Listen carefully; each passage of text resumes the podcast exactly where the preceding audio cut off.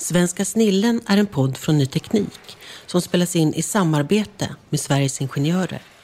Sveriges Ingenjörer är ett fackförbund och en intresseorganisation för högskoleutbildade ingenjörer. Som medlem får du tillgång till flera förmåner, bland annat Ny Tekniks premiuminnehåll. Vill du ha tillgång till premiuminnehåll? Då ska du aktivera din prenumeration på nyt.se aktivera nyt.se aktivera. Och vill du ta del av fler fördelar som ett medlemskap för med sig, då ska du klicka in på sverigesingenjörer.se. Sveriges Ingenjörer hälsar också att du som ingenjör gör skillnad för världen och att de ser till att göra skillnad för dig. Vi på Ny Teknik tackar för samarbetet med Sveriges Ingenjörer. Så är det när jag tänker tillbaka på den tiden. Då, då tänker jag ju tillbaka på kamratskapet. Hur fantastiskt det var när vi var så få och det var så enkelt att vara totalt fokuserad på det enda som spelade roll, vilket var bygg världens bästa databas och få den i handen på användare som använde den för att göra grejer som de tidigare inte kunde göra. Det var det enda vi var fokuserade på. Liksom. Och det är ju väldigt liksom lätt att romantisera det. Nu idag är vi 700 personer och det är det vi fortfarande är fokuserade på. Men plötsligt så är det en bank som kollapsar där vi har liksom alla lönepengar på. Och plötsligt ska man tänka igenom vad som händer när Fed höjer styrräntan och vad innebär det för bolaget? Men det finns ju så mycket annat liksom att tänka på idag även om essensen fortfarande är, är densamma. Jag heter Kalle Wiklund och är reporter på Ny Teknik. Den här gången är vi i Västra Hamnen i Malmö för att träffa Emil Eifreim, VD och medgrundare av grafdatabasbolaget Neo4j. Neo4j föddes ur ett behov av att bygga en helt ny typ av databaser. Databaser som på ett mer visuellt, grafiskt och mycket snabbt sätt kan visa hur data hänger ihop i stora nätverk. Bolaget tog snabbt steget från Sverige ut i världen och har storkunder som Airbus, Ebay, Walmart och investerare som Google. I avsnittet berättar Emil om den första svåra tiden som startup-grundare, hur det var att tacka nej när ett av världens största techbolag ville köpa Neo4j och hur Silicon Valley har förändrats under de senaste åren. Nu välkomnar vi Emil till podden.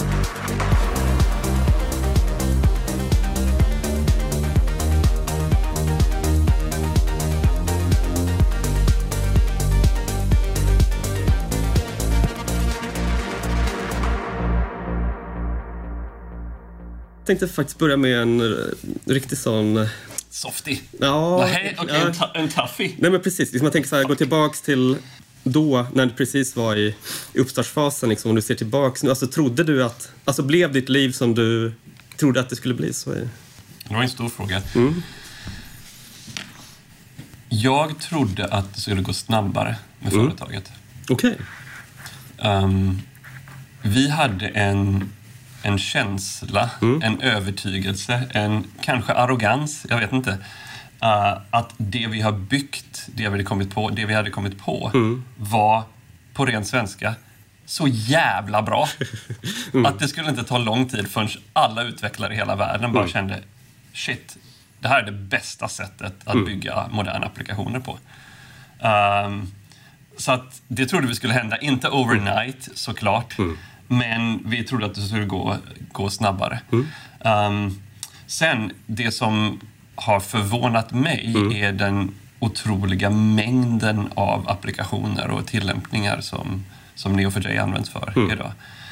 Um, och det som det, det, finns väldigt många coola grejer. NASA som liksom publikt säger att ja. vi kommer komma till Mars två år tidigare. Mm. Mänskligheten kommer komma till Mars två år tidigare ja. tack vare teknologi som vi uppfunnit. Mm. Ja, men det, det är rätt häftigt. Liksom. Mm. Um, Panama-dokumenten var ju mm. liksom väldigt stora uh, för oss. Um, men det som jag tror är det mest eller det som jag vet att för mig själv i alla fall är det mest motiverande. Mm. Det är det som Neo4j gör och möjliggör i cancerforskning. Mm. Där det finns minst 20 oberoende projekt just nu som använder Neo4j, för att hitta botemedel till, till cancer. Mm. När du startade bolaget, vad befann du dig för miljö i Linköping? Vad var det liksom för umgänge och för, för tankar och idéer och liksom drivkrafter i ja, men jag skulle dela på det i, i två, två tillfällen. Mm. Ett tillfälle var när vi kom på konceptet och uppfann produkten, Mm. teknologin. Det är det ena. Och det andra är när vi sen startade företaget. Mm. För det är två separata tillfällen, flera år, års skillnad Mm. på, på dem. När vi uppfann teknologin, Mm. då jobbade vi alla grundare, tre grundare, Emil och Johan och Peter. Eh, Johan Svensson, Peter Neubauer och jag. Um, då jobbade vi alla på en, en liten startup som faktiskt eh, var, hade huvudkontor i, i Oskarshamn, där, där jag är uppvuxen. Eller till och med utanför Oskarshamn, Påskallavik, vilket ingen känner till förutom att Håkan Juholt kom från Påskallavik. Så då plötsligt började folk prata om det på den liksom, nationella scenen un- under ett, några månader där. Um, man hade huvudkontor där, men utvecklingskontor nere i Lund. Och vi sitter här och spelar in det här i, i soliga Malmö idag. Så det är liksom ursprungskopplingen ner, till, ner till Skåne. Som, som du hör så pratar jag inte skånska, jag inte härifrån från början. Så vi jobbade på, en, på den här startupen i IT-bubblans tid, så här slutet på 90-talet, början på 2000-talet. Um, och jobbade på det som då kallades Media Asset Management eller Enterprise Content Management system. Som då är system som hanterar otroliga stora mängder data. Men inte bara mängden eller volymen av data. Det är också data som är sammankopplad. Därför att det är olika foldrar som ligger i andra foldrar och så har du bilder i de foldrarna. Och sen så kanske du har ett pdf-dokument och det pdf-dokumentet innehåller massa text och innehåller massa bilder och så vill du gå in och koppla ihop allt det här.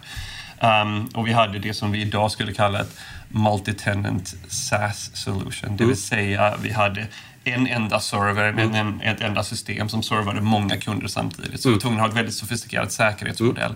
Allt det här var väldigt mycket kopplad data och komplex.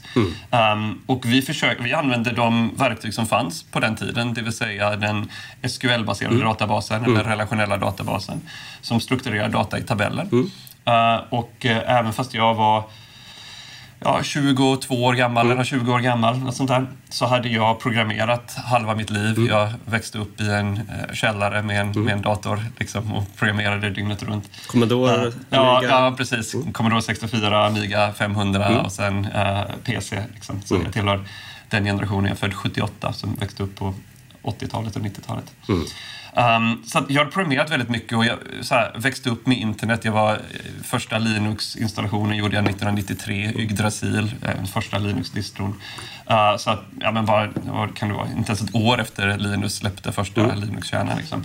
Uh, så jag växte upp på internet. Liksom, när man var Linux-användare då så var man väldigt liksom, ihopkopplad med, med, med det. Och, byggde massa olika online-spel och sådär som, som, som, som tonåring. Och alla projekt jag hade gjort så hade databasen varit ett hjälpmedel. Den hade hjälpt till. Den tar ett jättesvårt problem som är så här Okej, jag har data. Jag vill garantera att den datan finns på disk. Det får aldrig någonsin försvinna. Jag vill kunna ställa frågor till den datan med ett, med ett kraftfullt frågespråk för att hitta liksom, mönster i, i, i datan. Och jag vill kunna göra det på ett transaktionellt sätt med många användare samtidigt. Det är jättesvårt. Alltså det, är, det är på nivån av att skriva en operativsystemskärna. Liksom, I den typen av, av problem man måste lösa rent tekniskt. Den tar hela det problemet och ger användaren möjlighet att bygga en applikation som då kan vara ett spel, som kan vara ett Enterprise-system eller vad det nå må vara. Och alla projekt hade då som sagt den accelererat min utveckling förutom det här då, den här startupen där vi jobbade som hette Vind, slutet på 90-talet. Liksom databasen jobbade mot oss. Och eh, idag har vi ett språk för det här som, som industri, liksom 20, 20 år senare. Då vet vi att jobbet, en, en programmerares jobb när det kommer till att välja databas, det handlar om att titta på strukturen av datan, the shape of the data, som man ska jobba med och vilken typ av frågor du kommer vilja ställa i din applikation. Titta på den och matcha det med en datamodell för att nu finns det grafdatabaser, det finns dokumentdatabaser, det finns key value stores och sådär. Alltså det finns en, en, ett utbud av olika datamodeller. Liksom. Um, men det fanns inte på den tiden. Då var det så här, oavsett vilken data du hade så stoppade du in det i en relationell databas. Uh, så det gjorde liksom att vi, vi satt där och jag kommer ihåg, jag, jag var CTO på det här bolaget um, och hade kanske en 20 utvecklare eller något sånt där mm um, i, i mitt team. Och hälften av dem tillbringade majoriteten av det, sin, tid åt att slåss mot databasen. Och de bara, vad är det som går fel här egentligen? Och då klurade vi otroligt mycket på det där innan vi i, i slutändan landade där. Vänta nu, vi har ju data som är väldigt ihopkopplad och det är inget bra att trycka in i tabeller. Det går. Det, blivit, det, liksom, det är matematiskt bevisat att du kan uttrycka all data i den relationella datamodellen. Så det går att uttrycka det, men du måste ha en massa join-tabeller. Du måste, ja, det, det, är väldigt jobbigt att göra det och det är också väldigt långsamt att ställa frågor mot det. Så att då satt vi där och stångade oss mot, mot, den, mot den väggen tills vi efter ett tag insåg, vänta nu, om vi bara kunde modellera allting som noder, relationer mellan noder och sen nyckelvärdepar på dem. Så att jag är en nod som heter Emil, du är en nod som heter Kalle och sen så har vi en nyckelvärdepar, förnamn Emil, efternamn Eifrem, ålder 44 tror jag. 44 borde det vara. ja, men sådär, liksom. ja, då sätter man upp dem och sen så har man då typ på relationerna. Mm. Att vi känner varandra, vi är vänner, vi är kollegor, det spelar stor, stor roll. Har vi den enkla datamodellen, då kan vi modellera allt. Och vi, när vi väl insåg det kände vi så bara, okej, okay, vänta här nu. Det borde finnas, någon, vi kan inte vara de första som upp, liksom insett det här. Det måste vara någon annan som har uppfunnit det här. Så då började vi altavista runt och eh, Yahoo runt och och, och, och sådär. Och eh, jag googlade efter ett tag, liksom, när, när Google kom, och hittade ingenting. Och eh, då till slut så blev vi så frustrerade att vi sa, ah, men herregud, vi får bygga det här själva. Så här. Hur, hur svårt kan det vara? Famous last words, hur svårt kan det vara? Så det var det, för att då besvara din fråga, liksom, vad var miljön? Mm. Det var liksom så det såg mm. ut när vi, när vi uppfann mm. databasen. Vilket då inte är samma som när vi, när vi några år senare bestämde oss för att eh, bygga ett företag kring det. Men vad fanns i den gruppen då? För jag tänkte det måste ju vara en speciell atmosfär, en speciell stämning. Man tar sig an det problemet. Liksom så. Ja. Ett, 20-tal utvecklare i Oskarshamn om man jämför. Ja. Liksom, ja, i Lund var vi då. I Lund, ja, men, ja, men liksom... Ja. ja. men det fanns nog ett antal olika grejer. Mm. Um, dels så fanns det rätt mycket talang. Det var väldigt mm. duktiga utvecklare. Liksom, man tänker rent, uh, hade programmerat väldigt länge, mm. liksom, rent så hög IQ. Man ska säga, mm. liksom, bara rent, rent talangmässigt. Så. Så det var ju en viktig del, men jag tror inte den viktigaste delen. Um, viktigare, eller i alla fall minst lika viktigt, kanske viktigare, var passion. Mm. Det här var människor som verkligen brydde sig. Och som, som tog sitt jobb på allvar och verkligen kände att fan, det måste finnas ett bättre sätt att, att göra det här. Och när vi kom till den insikten, då jobbade vi inte sju timmar på det. Då jobbade vi inte elva timmar på det. Då jobbade vi 19 timmar på det per dygn. Mm. Liksom under månader, för att inte säga års mm. tid. Liksom. Och, och, den biten var nog minst lika viktig. Och sen ska jag säga att den tredje biten var att det fanns en stor frihet. Vår VD på den tiden, jag var då CTO, så ansvarig för teknikdelen. Men vår VD gav oss ett så väldigt eh, långt rep, heter det så på svenska? det heter ja, men, det, men, ja, men väldigt liksom flexibilitet och han sa okej, okay, det här är det vi måste göra rent affärsmässigt. Hur ni gör det, jag, jag litar på er. Och det gjorde ju att vi fick möjligheten att tänka så out of the box. Uh, och, och, och um, det, det, ledde till en väldigt kreativ miljö. Mm. Um, och sen ska jag säga att den fjärde biten var väldigt bra, genuina relationer oss emellan. Det var liksom... Man, så här, modernt managementspråk pratar man om uh, psychological safety. Det vill säga att man vågar ha fel, man vågar säga vad man tycker, man vågar ifrågasätta. Och tack vare att vi hade väldigt genuina, ärliga relationer i det där ursprungsteamet så, så vågade vi alla göra det. Och liksom då, när, när, ni kom igång och när ni började ta er an det här problemet, vad, liksom, vad, vad var svårast? Och liksom, var ni så här, stötte ni på så mycket på, på, stötte ni på så mycket patrull någon gång så att det var liksom, ni var på väg att ge upp? Eller liksom, fanns det, fanns det en, hela tiden en, övertygelse där tidigt att ni kommer kunna lösa det här problemet? I... Vi, vi, det fanns en övertygelse att om vi kunde lösa problemet var mm. det väldigt värdefullt. Mm. Det fanns ett hopp om att vi skulle kunna lösa det. Mm. Men absolut inte att vi visste att det gick. Mm. Och, och det var massor med så tekniska uh, hurdles som vi var tvungna att, att överkomma. Mm. Som vi inte visste om det gick. Och hade man försökt det här tio år tidigare hade det inte gått. Varför då? Två anledningar. Mm. Hela, alla datorsystem på den tiden backades av hårddiskar som användes spinnande mm. diskar, roterande mm. diskar. Um, det vill säga, det är en fysisk, mekanisk arm som, som flyttar sig mot... jag, kan, jag, kan inte, jag kan inte säga sånt här på, på svenska, men, men på spinnande media. Um, det enda sättet du kan få data från en sån hårddisk väldigt snabbt är att lägga ut det sekventiellt. När du har en grafmodell där varje nod kan bli ihopkopplad till varje annan nod är det matematiskt omöjligt att lägga ut den så att alla eh, operationer blir sekventiella. Det vill säga, om du måste gå ner till disk för att kunna eh, leverera svar på dina frågor, på användarens frågor, då kommer det finnas frågor som tar otroligt lång tid. Så att det, det kommer inte funka.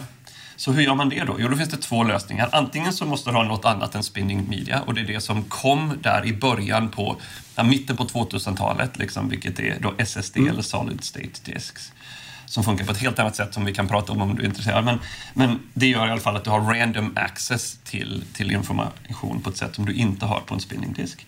Det andra sättet är att du cashar valda delar av, av, av datarymden, vilket då kräver en högre proportion av RAM till solid storage. Um, och det var båda de grejerna som hände liksom då under 2000-talet som gjorde det möjligt att överhuvudtaget uh, bygga det här. Det är skitintressant tycker jag. Mm. Alltså att, de, att man... För du säger att de, måste, liksom, de tekniska förutsättningarna var tvungna att vara på plats. Liksom, så. Men mycket, mycket av innovation handlar ju inte så mycket om att identifiera ett nytt behov utan ofta finns ju någon sorts förståelse för att mm. det behovet har funnits där. Men folk som har försökt lösa det mm. med den gamla fysiken, med de mm. fundament som fanns i, om vi tar inom computer science då, i, liksom i, i datorer på, på 70-talet eller 80-talet mm. eller 90-talet eller 2000-talet. Um, de försökte lösa det då. Mm. Det gick inte av fundamentala anledningar. Då övertygar sig vår industri om att det var olösbart. Och sen inser man inte, vänta, man går aldrig tillbaka till first principles. Varför kunde vi inte lösa det? Jo, men det är för att de här diskarna, de spann fysiskt, liksom, vilket gjorde att vi inte random access till hela, utan vi måste ha sekventiell access. Eller vad det nu må vara, då, som, som, som exempel.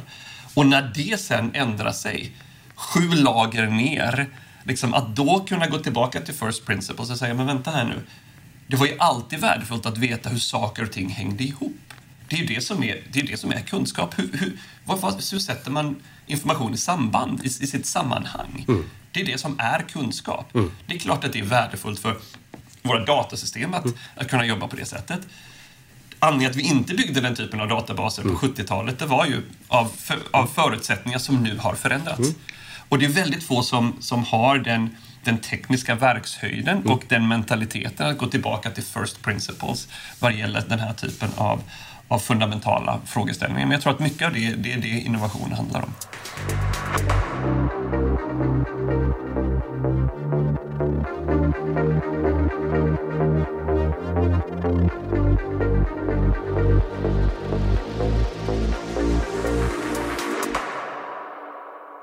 När bestämde ni er för att starta ett eget bolag och ta det här? Mm. Det var några år senare. Mm. Så vi hade uppfunnit teknologin. Vi byggde, eh, vi hade ett, i flera år av att testa olika sätt att bygga den här typen av, av databas. Och de flesta failade liksom, fram tills vi började känna att okay, det är så här man ska bygga en grafdatabas. Um, vi satte den sen i produktion på den, den här förra startupen som byggde Media Asset Management eh, och Enterprise Content Management-system. Så vi fick liksom en, en första produktionsdeployment som vi lärde oss mycket, mycket av. Men jag under hela den här tiden, jag började på den här, den här första startupen eh, istället för att börja plugga på universitetet. Så att jag, um, jag gjorde lumpen och kom ut och, och sen behövde jag liksom ja, nio månader innan universitetet skulle börja, blev fast i IT-bubblan och började göra det här. Um, men någon gång där kände jag att nej, men jag, vill ju, jag vill ju plugga. Liksom. Så att jag körde det här på liksom deltid och pluggade på höll på mer, än, mer än heltid. Um, och eh, någon gång där så började det bubbla. För att när vi hade byggt den här nya typen av databas, då var det ingen som var intresserad av databaser. Därför att eh, Oracle fanns och var det största Enterprise Software-bolaget i världen. Um, och Microsoft var på väg in och det, hade, det fanns bara en typ av databas och det var den relationella databasen. Det hade varit lite försök på mitten av 90-talet med objektdatabaser som dog ut lite försök i början på 2000-talet med XML-databaser som dog ut. Så att diskursen i industrin var snarare så här att relationella databasen är som ett matematiskt axiom. Mm. Det, ligger liksom, det kommer vi ha innovation i data, men allt det kommer ske ovanpå den relationella databasen. Vi höll inte med om det. Vi kände nej, det kommer finnas fundamental disruptive innovation i det lagret också. Men det var ingen annan som tänkte på det sättet. Så kände vi, okej, okay, vi har byggt det här, men det verkar inte finnas någon acceptans till att ta ut det här på marknaden idag. Så vi behåller det som ett internt, bara som en intern konkurrensfördel. Liksom vårt, vårt hemliga vapen liksom internt. Vi kommer bygga system snabbare och våra system kommer att vara snabbare tack vare den här nya databasen. Och så är det med det. Liksom. Det som hände på mitten eh, av 2000-talet, 2006 och 2007, var att eh, ett litet företag som eh, var döpt efter en flod i Sydamerika eh, i, i, i USA eh, publicerade en akademisk artikel där de sa att vi säljer böcker på internet, vi heter Amazon och vi ville använda Oracle. Vi ville använda DB2 som är IBMs databas. Vi ville använda SQL Server från Microsoft. Men vi kunde inte. Det funkar inte. Uh, vi, har, vi jobbar på en helt annan skala, en helt annan storlek. Så att vi var tvungna att bygga vår egen databas. Vi kallar den DynamoDB och här är den akademiska artikeln som pratar om hur vi har byggt den. Uh, den slog ner som ett blixtnedslag i communityn. Alla bara wow, vänta vad hände där? Och bara några månader senare, 2007, uh, eh, då kom ett annat litet företag. Hej, vi jobbar med sökning på internet, vi heter Google. Uh, vi ville också använda Oracle. Vi ville också använda ja, det som finns, med kommersiella databaser. Men det kunde vi inte. Så vi var tvungna att bygga vår egen. Vi kallade den Big Table mm. och så här har vi byggt den. Så det här startade en konversation i Alpha Geek-communityn, liksom i, i, i, innovativa kretsar bland utvecklare. De säger, vänta här nu, det, det, är något, det är något som håller på att förändras här. Liksom, de som lever i framtiden, Google, Amazon, Ebay, Yahoo på den, på den tiden, de bygger inte det här på Oracle eller på på DB2. Utan de är tvungna att uppfinna sina egna. Det vill de inte. De vill söka internet eller de vill sälja böcker eller vad det nu må vara. Mm. Alltså, liksom aktioner. Men de tvingas bygga sin egen typ av databas. Det här ledde till en konversation som vi var väldigt inpluggade i. Uh, trots att vi inte var så mycket i Silicon Valley då, utan jag, jag var i, i Linköping och mina medgrundare var här nere i Skåne. Um, men vi såg det här och kände, vänta här nu, det börjar bubbla. Och då sa vi att vänta, vi, sitter ju, vi har ju byggt flera år på vår, vår databas. Ja, men ska vi inte göra något med det här? Och eh, då funderade vi rätt länge på vad skulle vi kunna göra? Och eh, det var inte självklart för oss att vi skulle bilda ett företag, utan vi var väldigt så här, idealistiska där och kände så här, det viktiga är att folk använder grafdatabaser för att liksom förstå information bättre och för att bygga bättre applikationer. Det var det viktigaste för oss. Så vi var väldigt så här, ja, men, vi utforskade väldigt seriöst möjligheten att bara open sourca det här. Mm. Donerade till Apache Software mm. Foundation till exempel. Bygga en community. Och sen så kunde vi livnära oss på att liksom, ja, konsulta, bygga system på det här. Men efter ett tag så började vi inse, vänta det här är en databas. Så här, vi kan inte bygga det själva liksom på två, tre, fyra, fem personer. Det behövs ju tiotals utvecklare, det behövs ju hundratals utvecklare. Mm, det kanske till och med behövs tusentals utvecklare. Så här. Och vi hade aldrig någon sorts fantasi att bara vi open sourcade så kommer det en massa utvecklare från hela världen och börjar bygga en produkt åt oss. Det, det trodde vi aldrig på. Även fast vi växte upp i open source um, så, så trodde vi inte att det var så det funkade. Och efter ett tag kände vi att, men vänta här nu. Det finns ju faktiskt ett sätt att strukturera liksom, organisationer där om man bygger någonting som är värdefullt så så får man pengar för det och kan anställa mm. utvecklare. Så här, ja, just det. Kapitalismen har faktiskt löst det här.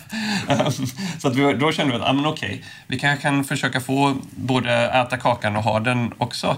Så att vi open sourcar en, en del av vår produkt, en, en edition av vår produkt, Neo4j Community. Och sen håller vi en annan en edition av vår produkt kommersiell. Mm. Uh, Neo4j Enterprise Edition heter den. Um, och så säljer vi den till företag, liksom Enterprise Edition. Och sen så ger vi NeoFJ Community Edition ger vi bort den gratis till, till utvecklare över hela världen. Och då kände vi att okej, okay, där har vi möjlighet att, att faktiskt eh, bygga ett eh, företag. Och det var då 2007 när vi, när vi kom fram till det här och startade företaget. Och då hade vår tredje, då var det jag och Johan och vår tredje medgrundare, han hade då gått vidare och jobbat på eh, lite, lite andra grejer. var fortfarande in, inkopplad men jobbade heltid på lite andra grejer.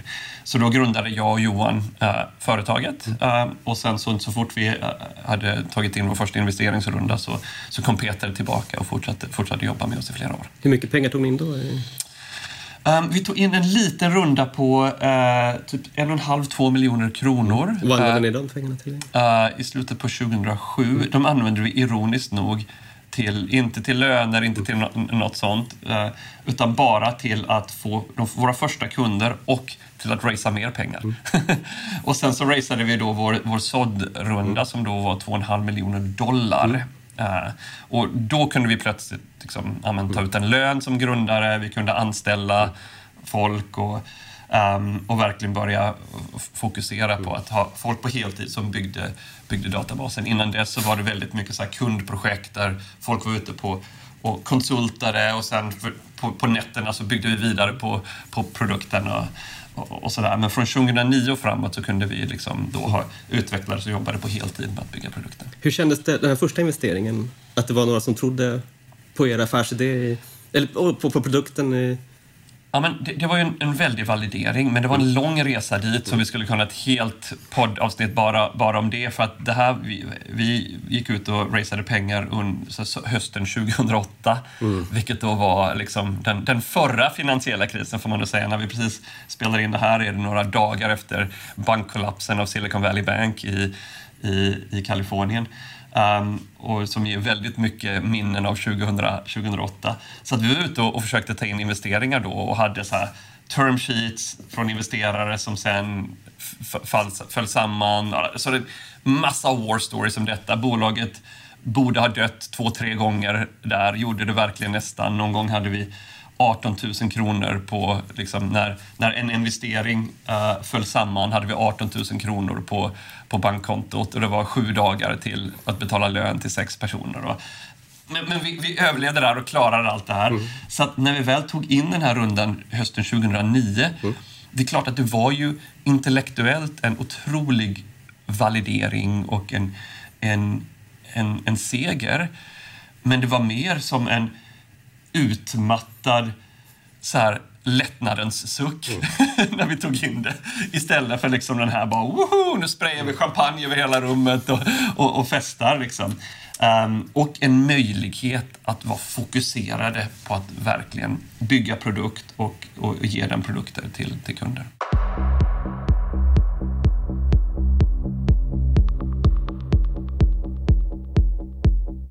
Vilka är dina starkaste minnen från den här perioden? Ja, men det är väl som, eh, vi pratade barn som hastigast lite mm. i, i början. Det är väl som eh, när man tänker tillbaka på småbarnsåren så kommer jag ju, jag har barn som är 10 och 7 och 5. Um, ehm, och när jag tillbaka, tänker tillbaka på när de alla var liksom under fem och det var bebisar, då kommer jag bara ihåg hur fantastiskt liksom en en nykläckt bebis luktar och att ligga hud mot hud mm. och hur jäkla mysigt det är. Men det är klart, när jag var inne i det och liksom sov fyra minuter i veckan. och liksom, vadå fantastiskt som luktar? De kräks ju på dig mm, en minut och bajsar på dig den andra minuten. Och liksom, så när man är i det är det liksom rätt, rätt annorlunda. Man romantiserar det gärna i efter, efterhand. Liksom. Uh, och lite så är det när jag tänker tillbaka på den, den tiden. Då, då tänker jag ju tillbaka på kamratskapet liksom, och hur, hur fantastiskt det var när vi var så få och det var så enkelt att vara totalt fokuserad på det enda som spelade roll, vilket var bygg världens bästa databas och få den i handen på användare som använder den för att mm. göra grejer som de tidigare inte kunde, kunde göra. Det var det enda vi var fokuserade på. Liksom. Och, och det är ju väldigt liksom, lätt att romantisera det. Nu idag är vi 700 personer och det är det vi fortfarande är fokuserade på. Men plötsligt så är det en bank som kollapsar där vi har liksom alla lönepengar på. Och plötsligt ska man tänka igenom vad som händer när Fed eh, så här, höjer styrräntan och vad innebär det för bolaget? Men det finns ju så mycket annat liksom, att, att, att, tänka på, på idag, även om essensen fortfarande är, är densamma. Så när jag tänker tillbaka så är det mycket det som liksom det här kamratskapet och, och fokuset på det som, som, spelar roll som, som framträder. Men vad måste man vara för person för att orka det? Alltså så man inte bara blir en geléklump av all press och förväntningar? Och... Jag vet inte. Uh, det, det, det, är svårt. Jag, jag, har alltid varit väldigt nyfiken. Um, och vi hade ju en, en närmast religiös övertygelse om att som sagt, om vi kunde lösa problemet, om vi kunde bygga en databas som levererade det här, så skulle det vara fantastiskt.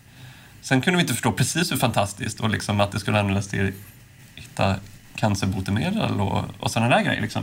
Men vi kände att det skulle vara otroligt kraftfullt. Liksom. Um, och då som någon av, av, de tidiga anställda sa, som faktiskt några år efter det uh, väldigt, väldigt tragiskt avled av just cancer. Um, men han sa det när en av våra finansieringsrunder liksom föll, föll samman där 2008 eller något sånt där. Så här, det här är för bra för att inte få finansiering i slutändan. Liksom, det är klart jag kan ta några månader utan lön. Det är lugnt. Jag vet att det här kommer hända. Så jag tror att ha den på ett genuint sätt, och den tror jag den måste man ha kring en, en idé. Jag tror inte det är något man kan fejka, för att det, det, det pallar man inte. Um, så att jag tror att det. Sen, jag har aldrig varit rädd för att liksom, arbeta hårt. Jag, jag är uppvuxen i, i, Sverige men har alltid varit mycket i USA. Jag bodde ett år i USA som tonåring som utbytesstudent och ja, bott där i tio år. Liksom, stora delar av Neo4js resa har jag ju varit baserad i Silicon Valley. Um, där pratas det väldigt mycket om värdet av att arbeta hårt. Och det är på ett sätt sitter ju lutheranskt i, i liksom Sveriges DNA, men det pratas inte speciellt mycket om det i Sverige. Liksom värdet av hårt arbete. Jag har aldrig varit rädd för hårt arbete. Så här, jag är väldigt, det är väldigt viktigt för mig att vara en närvarande familjefar. Um, och liksom pappa till, till mina barn, make till min fru. Um, men jag har inga som helst, utöver det, så att jobba 18-20 timmar per dygn när det behövs och framförallt liksom innan, um, innan jag hade fru och barn eller flickvän eller jag var liksom singel. Då var det liksom 20 timmar om dygnet, sex dagar i veckan och sen så en dag i veckan sov jag lite längre. Liksom. Um, och det, det, finns en sorts diskussion om att man ska inte jobba mer än 40 timmar och sådär. Liksom. Och jag, jag, jag tror inte på det. Så, nej, absolut inte. Mm. Och det finns... Uh, det finns ingen som helst vetenskapligt belägg för det, även om vissa i Scrum-communityn mm. brukar pe peka på så pseudovetenskapliga artiklar om, om, om, om sånt där. Um, och ett tag så, gick, så blandade jag mig i så internetdiskussioner om, om, om, sånt där och det var så tydligt att, jag kommer ihåg det var en, en av mina uh, nära vänner heter David Helgason som är grundare av ett bolag som heter Unity som har byggt ett mm -hmm. ett, ett litet bolag. Ett litet bolag uh, som ett toolkit för, för gaming i, i, i grund och botten. Och han skrev något om det här när han flyttade. Vi bodde i Silicon Valley samtidigt. Han är islänning men uppvuxen i Danmark och flyttade tillbaka till, till, till Skandinavien ungefär samtidigt, har barn i samma ålder. Så här. Och någon gång när han liksom tittade sig omkring i Danmark och såg liksom hur folk tänkte så skrev han något om det där på Facebook. Och det blev en otrolig debatt om att nej, det är helt fel. Och och han observerade lite lakoniskt efter ett tag. Alla de som sitter här och säger att det är väldigt värdefullt att jobba mer timmar vid många tillfällen, de är grundare av startups. Alla som sitter och argumenterar för att nej, det här är fel, man ska mm. jobba 34,5 timmar. Det är folk som inte är grundare av startups. Liksom. Och, och, de som inte är, de, de argumenterar för att nej, det behövs inte. Och alla som verkligen har byggt en startup, de bara, det är klart det behövs. Um, sen är det så att här, om man då liksom tar min eh, personliga övertygelse och vad jag började med att säga att jag är inte rädd för att liksom, jobba, jobba många timmar. Om jag då liksom, eh, överför det till där jag är mm. idag mm. som chef på ett, mm. på ett större bolag än vad vi var på, på, den, på den tiden. Så det är otroligt viktigt för mig att eh, liksom, två, två komponenter i, i detta. Ett är att vi har en sustainable pace, det vill säga Neo4j är en maraton, inte en sprint. Så här, vi, kommer, vi har möjlighet att bygga något som är otroligt fantastiskt och väldigt, väldigt impactful. Um, men det kommer hända över loppet av tre år, fem år, tio år. Så att om vi liksom jobbar så jäkla mycket att vi bränner ut oss här och nu, då, då är det inte värt det. Liksom. Det, det, det, är inte, det är inte rätt grej att göra. Så det är den ena. Och sen är det också väldigt viktigt för mig personligen att folk har möjlighet att vara med sin familj och vara med sina, vara med sina barn om de väljer att, att, att skaffa barn och sådär. Så att mm, här har vi en kultur av att det är viktigt att, att jobba hårt när det behövs. Men vi kan inte jobba så hårt att det inte funkar på fem års sikt eller tio års sikt. det får inte vara så många timmar att vi försakar liksom helheten i, i, i, livet. Och då handlar det om att liksom balansera de, de, de grejerna. Men för att, för att återgå till ursprungsfrågan, liksom, vad, vad, krävs för de här tidiga åren och all, hela den liksom, berg och dalbanan av liksom, de tidiga åren, då, då tror jag att det är en, en väldigt viktig komponent, att man, man måste kunna jobba jävligt hårt. Så Google har investerat ett gäng gånger i, i bolaget. I, hur approcherar de er? Så här, hur, hur, liksom, hur, hur skedde det? Så, Ja, men um, det har lite att göra med det här, uh, vi pratade förut om att en del om, om mitt jobb är strategibiten och det här liksom schackbrädet, mm. liksom multidimensionella schackbrädet. Um, det är väldigt tydligt att vi är på väg in i en värld som är dominerad av uh, public cloud. Att, att folk uh, konsumerar det mesta av sin mjukvara liksom, via någon form av molnlösning. Och det tog lite längre än vad jag trodde i datalagret av stacken. Uh, därför att det, var egentligen, det hölls tillbaka av det som kallas data gravity. När du väl har en stort dataset någonstans är det väldigt jobbigt och kostsamt att flytta det till ett annat ställe. Um, det hölls tillbaka av också så regulatory compliance. Liksom så här, om, vänta nu, om du har data i Tyskland, så om du har PII. Personal Identifiable Information, om, om slutkonsumenter får du inte flytta det på olika sätt och vis. Så det tog lite längre, men det är helt klart att det, att det är den värld vi antingen lever i idag eller väldigt snart kommer alla leva i, i, i den världen. Då kommer att, eh, när, när man sitter som utvecklare och man, man väljer eh, sin teknologistack för ett nytt projekt, då kommer de väldigt självklart att gå till sin molnleverantör. Och den heter AWS eller GCP eller Microsoft Azure eller, mm. eller något sånt. Uh, och de verktyg man väljer då, det behöver inte bara vara från, från din molnleverantör, men de kommer väldigt högt upp på listan såklart när, man då, när vi såg att den här världen var på väg, väg att hända, så dels så byggde ju vi vår egen molnlösning så att du kan idag eh, få Neo4j i en hel cloudtjänst som heter Neo4j Aura som du inte behöver installera någonstans. Du behöver bara signa upp. Det finns till och med ett free tier. Mm. Du bara skriver liksom din e-mailadress och sen bam får du en, en instans av Neo4j i, i molnet. Du kan bara, bara använda helt, helt gratis. Sen kan du swipa ditt, ditt kreditkort och börja betala liksom, fem dollar i om månaden. Liksom helt, ingenting, liksom, väldigt lite. Hela vägen upp till liksom, gigantiska installationer och på liksom, mission critical enterprise scale. Så det var en del av det. Men en annan del var ju så här, okej, okay, ju närmre vi kommer de här liksom, konkurrenterna, vilket alla stora cloudplattformar är potentiellt en, en, en konkurrent till oss um, desto större är chansen att en utvecklare som sitter där och ska sätta ihop sin väl, välja databas, att den använder oss. Så att AWS de kom faktiskt till oss 2015 eh, eh, och eh, ville ha någon form av samarbete med oss. Till och med vill, var snack om att köpa oss 2015 och vi sa nej till det. Um, vi, vi, vi, var jätteintresserade av att göra någon form av deal med dem. Mm. Um, men de var, vi hittade ingen bra affärsöverenskommelse eftersom Uh, Amazon hatar marginaler. Liksom. Uh, så, att, um, så när vi sa nej till det, då gick de och köpte en 12-rankad eller något sånt där grafdatabaskonkurrent. Mm. Uh, det var ett litet team, fem sex personer, mm. en, en Acquihire och byggde det in till en konkurrerande produkt. Så att Amazon, och den heter då Neptune, och idag skulle jag säga att det är vår största konkurrent. Det är i alla fall den som jag funderar mest på. Jag måste bara fråga, mm. hur kändes det i magen att tacka nej till AVS? Var det liksom självklart då? Det var självklart. Mm. Det var Varför väldigt... då? Därför att vi, vi kände att vi har möjlighet att bygga ett stort oberoende bolag som har gigantisk impact. Um, och var en avdelning på Amazon var inte alls tilltalande. Uh, däremot vill vi gärna samarbeta med dem. Uh, men så det, det kändes inte det var, det var inte ett speciellt svårt val faktiskt. Mm. Jag, det har varit många svåra val genom, genom åren, men det där var inte ett, ett, ett av dem. Um, så då plötsligt så, den ledande cloudplattformen, um, Amazon, mm. hade en grafdatabas. Och som, mm. den som är ledande i en kategori, den definierar egentligen feature-matrisen. Mm. det vill säga, om du, om du ska köpa, om du är, en stor, om du är CEO på ett stort bolag och du ska köpa en cloud-plattform, liksom, du ska upphandla det. Så här, vad är det du ska utvärdera?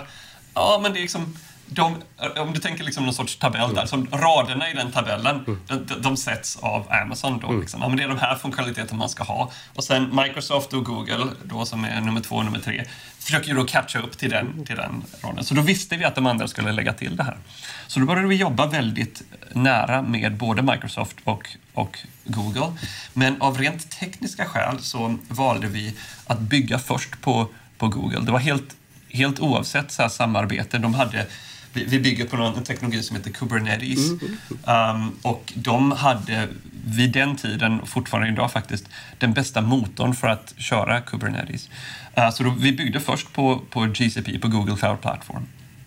Samtidigt så, så tog uh, Thomas Kurian över som ny VD på Google Cloud efter Diane Green som grundade VMware. Um, och han, uh, det var väldigt tydligt för honom att han skulle positionera Google Cloud som en enterprise-orienterat cloud som är det mest partnervänliga och det mest open source-vänliga. Vilket är väldigt smart därför att Amazon på den tiden hade uh, en rätt antagonistisk relation till uh, framförallt open source-communityn. Hade tagit väldigt mycket open source-projekt, uh, byggt uh, tjänster på det utan att ge någonting tillbaka till grundarna eller företagen kring de open source-projekten. Så det var rätt mycket diskussion kring det och antagonism där, däremellan. Så det var smart att för Thomas Curian och Google att positionera Google på det sättet. Uh, och då kom de till oss och sa de så här, men vi har identifierat fem open source-projekt i hela världen. Um, de är ledande i sin kategori. Och det heter Elastic, det heter MongoDB. Uh, MongoDB är en annan databas, men inte en grafdatabas, en dokumentdatabas, men ledande i sin kategori. Och Neo4j då, inom, inom grafdatabasvärlden. Um, så då kom de till oss och sa att Nej, men vi, vill, vi vill göra en jättedjup integration med er. Där ni finns i det, det som heter Console, konsolen. Så det är, man kan tänka att det är startskärmen på iOS eller Android liksom, när, man, när man startar upp det. Uh, så där, även, även idag, om du loggar in på Google Cloud, så har du ehm, um, Neo4j Aura sida vid sida vid Google-produkter, liksom interna Google-byggda produkter eh, som du kan köpa på samma sätt. Eh, säljarna när de är ute och säljer det här tjänar lika mycket på att sälja Neo4j som att sälja en Google-produkt. Så det är en, ett otroligt nära och tätt eh, samarbete, samarbete med oss. Så det var så det kommersiella samarbetet liksom började. Sen när vi raceade vår investeringsrunda sommaren eh, 2021, vår förra, förra runda, då helt oberoende, två helt, o, helt olika team. Men då gick Google Ventures in och investerade i, i, i oss. Uh, och det var ju liksom såklart hjälptes det av att vi hade ett tätt kommersiellt samarbete för att de kunde prata med folk internt på Google som säger ja, grafdatabaser är framtiden och vi tror så mycket på Neo4j att vi har valt att inte bygga vår egen utan vårt Googles svar på grafdatabaser är Neo4j. Det är klart att det stärkte ju vårt case otroligt mycket att höra den, den det, liksom, den, de, den typen av kommentarer internt på Google. Men det var ett helt separat team som, som tog investeringsbeslut i Neo4j av rent finansiella anledningar. Måste fråga, hur ser relationen med AVS ut idag? Den är bra. Mm. Det, det, är vår, det är vår näst viktigaste partner. Mm. Google är vår viktigaste partner. Uh, så den är väldigt bra. Och, uh, jag sa förut att Thomas Kurian då på Google ville Enterprise-fokuserad, partnervänlig och open source-vänlig. Och Eh, Amazon är fortfarande idag inte speciellt bra på att managera open source, tycker jag. Mm.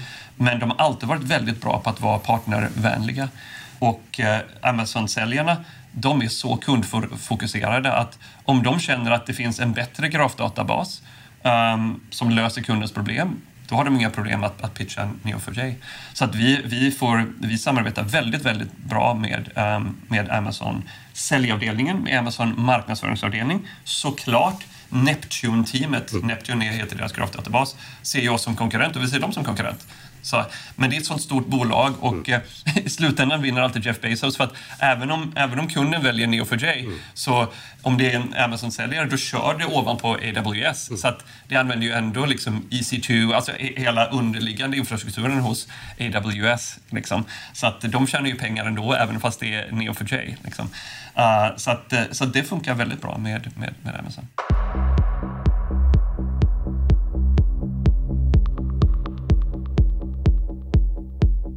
Du har ju varit i Silicon Valley ja, eh, sedan länge. Och man tänker liksom så här, det var som en annan anda liksom för tio år sedan. Hur, vad, hur har liksom klimatet kring stora teknikbolag, startups förändrats i hjärtat av eh, techindustrin? Ja, men det är en väldigt intressant fråga och det är rätt mycket som har hänt på sistone. Och det var ju liksom uh, framtidsoptimismen och technooptimismen var ju pikade ju där under 2010-talet. Liksom. Och vi, vi hade uh, the great financial crisis, GFC, 2008. Liksom. Uh, sen dess alltså en 14-årig bara alla kurvor bara pekade, pekade uppåt. Och sen så kom det en pandemi så alla blev livrädda i ungefär två och en halv minut mm. innan de såg att vänta nu, vår, vår, alla våra, våra business accelereras av, av detta, vilket ledde till ännu mer så, uh, optimism och man skulle kunna säga så här exuberance. Mm. Liksom. Um, nu har det varit några tuffa år. Så är det ju. Liksom, att uh, Techaktier har, har kraschat enormt. Um, uh, pandemin gjorde att folk inte behövde bo på den dyraste platsen i världen att liksom äga bostäder. Um, när vi bodde där, jag flyttade tillbaka till, till Sverige nu, men vi betalade på den tiden, vi flyttade tillbaka 2017, mm. och så 2017 betalade vi, apropå vi, vi har nämnt barn ett par gånger i konversationen, vi betalade 3000 dollar för förskola per månad. Liksom. Om man då jämför med liksom svenska, det är liksom, det är hel, och det var bara en del av liksom levnadskostnaden av, av, av att bo där. Um, så att liksom pandemin kom och plötsligt kunde vi alla jobba från någon annanstans. Och det som har gjort Silicon Valley så otroligt kraftfullt har ju varit grafen.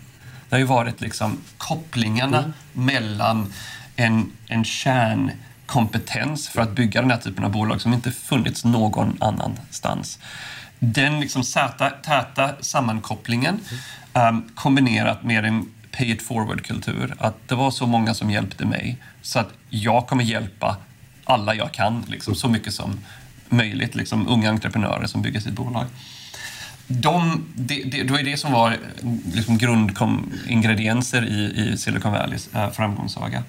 Och kompetensen finns ju fortfarande där. Men det är klart att det finns ju lika många som bor i Austin, lika många vet jag inte, men väldigt många har flyttat till Austin, Texas eller Portland, Oregon eller rural Maine eller vad det nu må, må vara.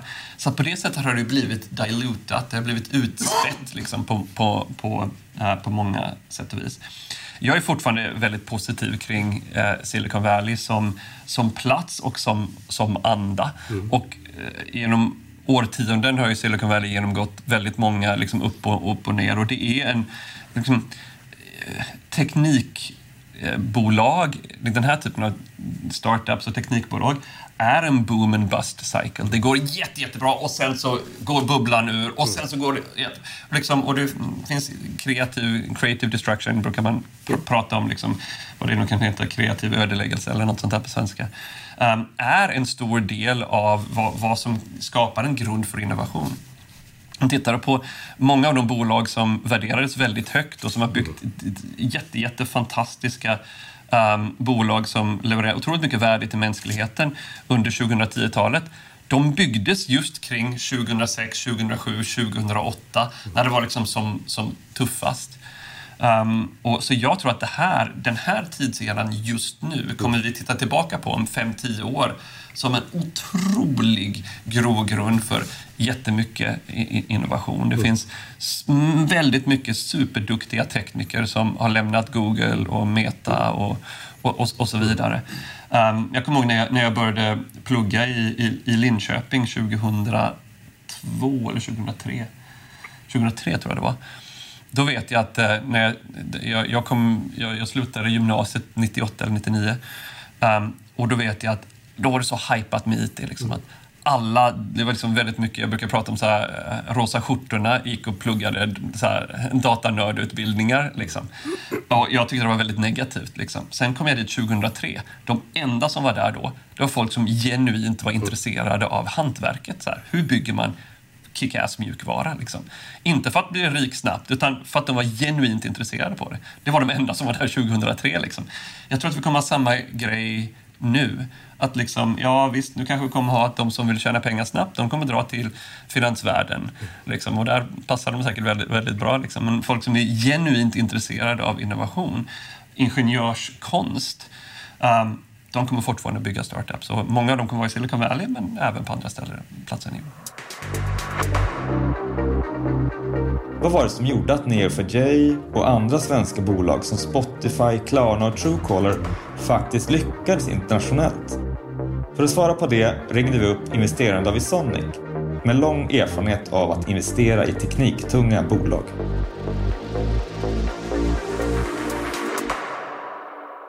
Jag heter David Sonic och jag är VD för Navigara Ventures och min bakgrund, jag är gammal eh, atomfysiker och forskare men var länge först inom R&D industrin, framförallt Ericsson. Och sen de senaste 20 åren har jag arbetat med investeringar i högteknologi. Går det att sätta fingret på vad Neo4j hade som gjorde att man lyckades bli så framgångsrika internationellt? Jag tror ju att man dels kom ut med en bra produkt i rätt tid för att uh, den, den sorts tillämpningar som började byggas då, alltså som hade mycket av ett av, byggde kring sociala nätverk eller kring komplexa transaktioner i e-handel. De, de var lättare att modellera med en grafdatabas så att de, de fick ut en produkt eh, i, i bra synk med marknaden. Men sen var det också så att de hade ju lärt sig behoven själva. Jag var för mig att Emil och de andra att de höll på att använda tidiga databaser redan i sitt tidigare jobb, alltså ända sedan millennieskiftet. Så de hade ju mycket erfarenhet innan de säga, bröt igenom ytan och visade upp sin produkt. Kan det finnas någon förklaring till varför just ett sådant bolag som Neo4j föds i Sverige? Så? Jo, det tror jag absolut. Jag tror att det har att göra med att vi hade en, en enorm kompetens sedan många år inom äh, gränssnittet äh, programmering, datavetenskap, kommunikation och att Eh, Eh, det som hände i, i IT-bubblan, det var att väldigt många IT-kunniga människor behövde hitta på någonting att göra. Så att det satte igång, det var en väldig kompetensutbyggnad som sen när, när övervärderingarna sprack och de här stora konsultbolagen splittrades upp så fanns det väldigt många otroligt kompetenta människor som hittade på nya saker. Det var ju en väldigt speciell tid när New York för Jay tog sina första stapplande steg där jag tänker på perioden 2005 till 2015. I, hur kan man liksom beskriva tidsandan för, för svenska startups under den perioden? Det var ju många bolag som blev väldigt framgångsrika som, som startades just då. Jo, det var speciellt. Jag, jag kommer nog ihåg att det fanns en väldig det fanns en försiktig optimism, ett jäklar anamma. Det var inte de här galna överorden som det kanske hade varit 99-2000 utan man, man förstod att det, var, det som behövdes var substans och unikitet och att man behöver komma med en, en lösning som löser ett, med ett, ett riktigt problem och med riktig gedigen teknik.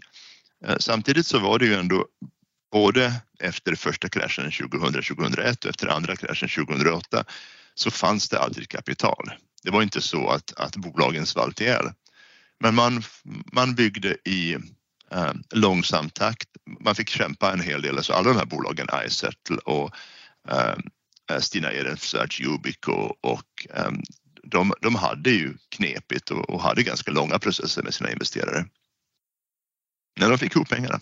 Finns det någon, går det att peka på någon anledning till varför vi såg ett gäng svenska bolag som lyckades bli framgångsrika globalt under den här perioden? Jag tror bara att det var en väldigt bra period i och med att vi hade sedan äh, mitten på 90-talet så återstartades ju en svensk riskkapitalmarknad. Så att det fanns ganska många kompetenta investerare. De hade passerat genom en period av lärande och besvikelser. Men samtidigt så hade ändå perioden 98 till 2000 skapat en hel del bra bolag och eh, en hel del erfarna affärsänglar. Så att slutet på 90-talet var en period där, där ett svenskt innovationssystem, modernt innovationssystem sattes på plats. Och då var den här de här bolagen som vi pratar om nu var en slags andra realistisk kompetent våg. Och då är det inte, kanske inte så underligt att det var flera bolag som lyckades. Om man tittar på Neo4j, Spotify, Klarna, Izettle, som deras framgångar då, vad har det betytt för andra svenska startupbolag tidigt när det gäller till exempel att locka till sig investerare? Det har betytt jättemycket. Det har ju betytt att Eh, för det första så finns det en, en modell. Det finns ett antal hjältar som man kan försöka efterlikna.